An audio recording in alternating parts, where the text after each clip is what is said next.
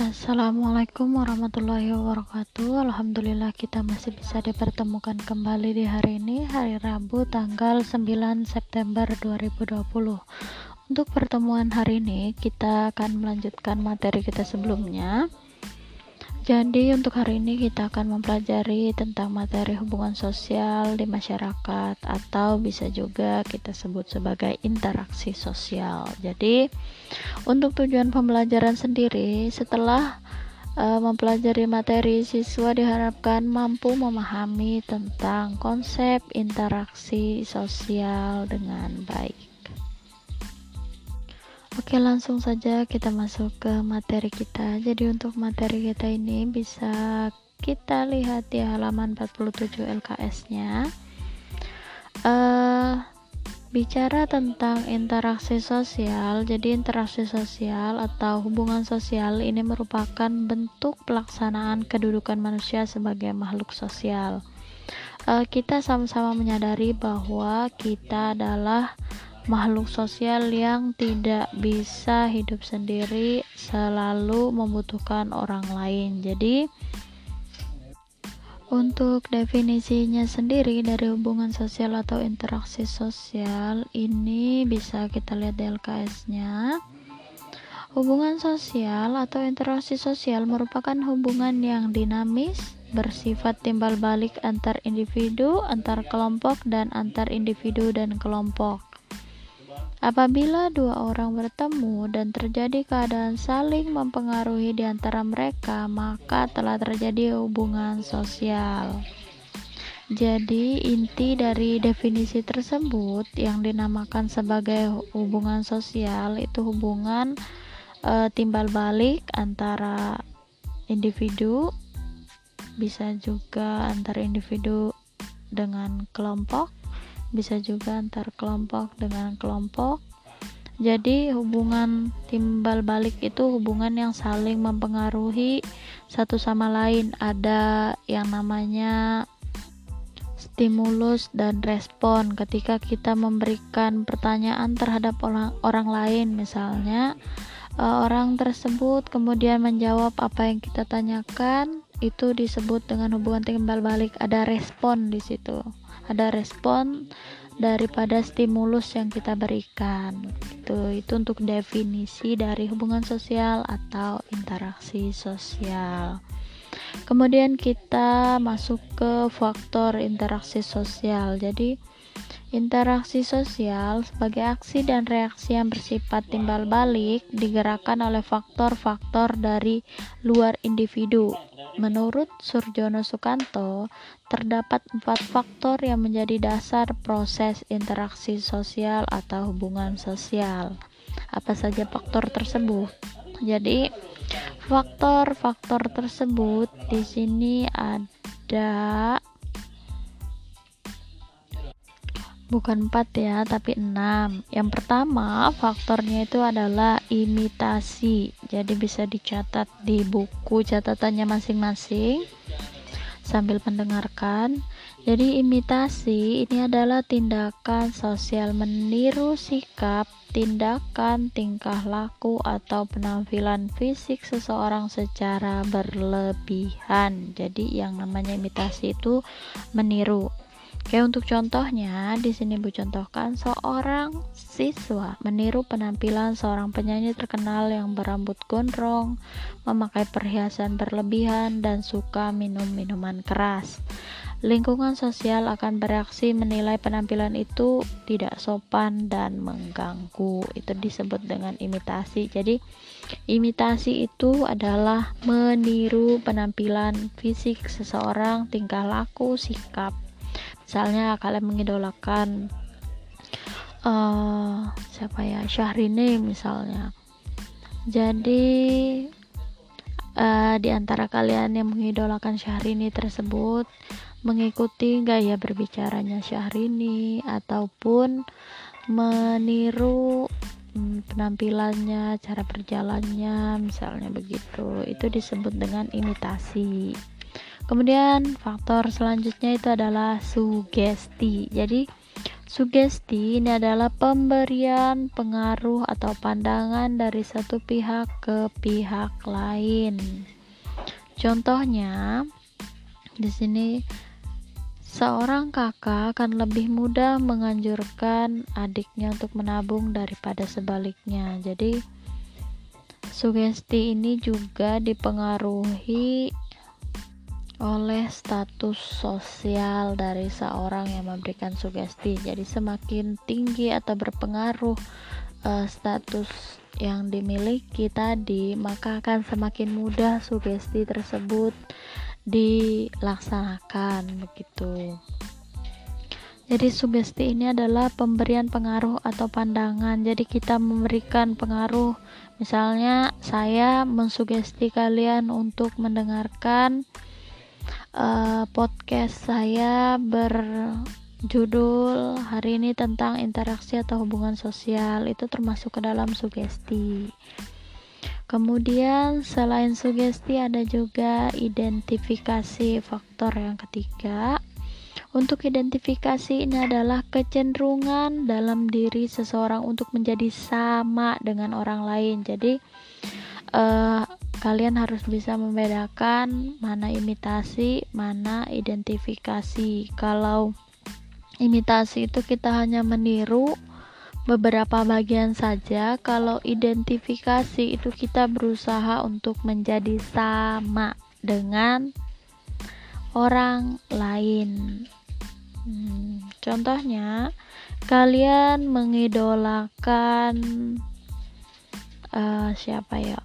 uh, yang laki-laki misalnya suka bola suka sama Cristiano Ronaldo jadi uh, karena mengidolakan beliau dari rambut model rambutnya sampai ke sepatunya misalnya diikutin semua itu berarti mengidentifikasi atau berusaha menjadi sama dengan orang lain begitu.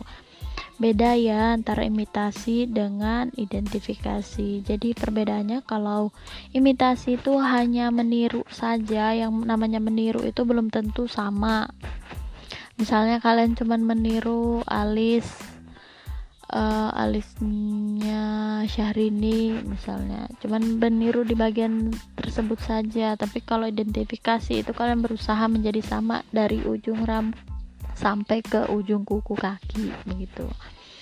Kemudian selanjutnya kita masuk ke faktor yang ke empat yaitu simpati. Jadi untuk simpati ini sendiri suatu proses seseorang merasa tertarik dengan orang lain rasa tertarik ini didasari oleh keinginan untuk mengerti pihak lain demi memahami perasaan ataupun bekerja sama dengannya. Jadi simpati ini ini perusahaan perasaan yang kita miliki ya. Misalnya kita melihat teman kita sedang mengalami musibah. Jadi kita berusaha untuk mengerti apa yang ingin di, apa yang sedang dirasakan oleh orang tersebut. Itu disebut dengan simpati begitu. Kemudian yang selanjutnya empati. Jadi empati ini harus bisa kalian uh, pilih kalian apa ya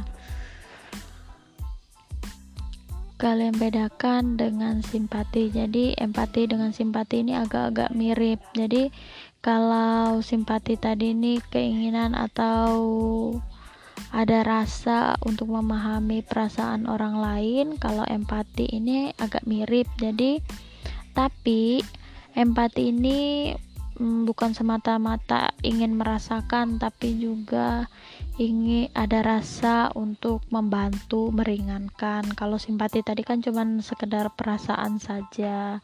Oh kasihannya misalnya seperti itu. Kalau sudah empati dia sudah masuk ke perasaan yang lebih mendalam lagi. Jadi dia benar-benar merasakan penderitaan orang tersebut dan berusaha untuk meringankan atau menyelesaikan permasalahan orang tersebut. Begitu. Itu disebut dengan empati. Jadi agak mirip dengan simpati. Kemudian selanjutnya ini adalah faktor motivasi. Jadi uh, motivasi ini hampir mirip dengan sugesti. Jadi, motivasi ini sendiri adalah rangsangan atau pengaruh yang dapat diberikan oleh seorang individu kepada individu lain, seorang individu kepada kelompok, atau kelompok kepada kelompok lain. Pihak yang diberi motivasi akan mengikuti kemauan orang yang memberi motivasi, namun dia tetap bersikap kritis, rasional, dan bertanggung jawab. Bedanya dengan sugesti, perilaku orang yang menerima sugesti menjadi kurang rasional. Jadi itu perbedaannya kalau sugesti itu dia um, orang yang menerima sugesti itu bisa nanti memungkinkan seseorang tersebut bersif, bersikap kurang rasional tapi kalau motivasi itu bisa me menyebabkan orang bersikap rasional karena kalau motivasi itu biasanya sifatnya itu masuk akal, masuk di akal gitu. Kemudian uh, itu faktor-faktornya kita lanjut ke syarat-syarat interaksi sosial. Jadi sebagaimana yang telah Ibu uh, jelaskan sebelumnya, jadi untuk syarat interaksi sosial itu cuma ada dua, yaitu kontak dan komunikasi. Jadi kontak ini adalah tindakan di mana kita um, menyentuh atau berhadapan langsung secara fisik. Jadi Selain hal tersebut, kita juga uh, untuk kontak ini bisa juga melalui media perantara, misalnya telepon. Sekarang lagi rame-ramenya WhatsApp, Facebook, Instagram. Jadi lewat situ, jadi kontak itu bukan hanya menyentuh secara fisik atau berhadapan langsung, Maaf ya ada telepon. Jadi itu untuk kontak sosial. Untuk wujud dari kontak sosial ini dibedakan. Yang pertama itu kontak antar individu. Contohnya kontak antar individu ini kontak antar anak dengan orang tua. Kontak antar satu siswa dengan siswa lain. Kemudian kontak uh, wujud yang kedua itu adalah kontak antar kelompok. Contohnya kontak antara kelas 10 IPS 1 dengan IPS 2 misalnya antar kelompok IPS 1 dengan IPS 2 atau kelompok IPS 1 dengan IPS 3 itu uh, contoh dari kontak antar kelompok. Kemudian selanjutnya kontak antar antar individu dan satu kelompok. Misalnya uh, individu ini saya sebagai guru kemudian kelompok itu adalah IPS 1, IPS 2 dan IPS 3 jadi saya melakukan atau menyampaikan materi di kelas 10 IPS 1, IPS 2, IPS 3 itu adalah salah satu contoh dari kontak antar individu dan suatu kelompok. Oke itu yang disebut dengan kontak. Jadi kontak ini adalah tindakan di mana kita bisa menyentuh secara fisik atau berhadapan langsung. Bisa juga melalui perantara telepon dan media sosial lain lainnya. Kemudian syarat selanjutnya itu adalah harus ada komunikasi. Jadi komunikasi ini sendiri adalah proses penyampaian atau penerimaan pesan berupa ide atau gagasan dari satu pihak kepada pihak lain. Jadi Untuk komunikasi ini sendiri ada beberapa komponen. Pertama ada pengirim atau yang disebut dengan komunikator. Bahasa kerennya itu sender adalah pihak yang mengirimkan pesan kepada pihak lain jadi harus ada itu pengirimnya dulu dalam komunikasi yang kedua ada penerima atau disebut juga dengan komunikan bahasa kerennya itu disebut dengan receiver receiver ini adalah pihak yang menerima pesan jadi ada pengirim ada penerima kemudian yang ketiga itu adalah ada pesannya message uh, di sini ini adalah isi atau maksud yang akan disampaikan oleh pengirim kepada penerima. Kemudian selanjutnya ada umpan balik atau feedback.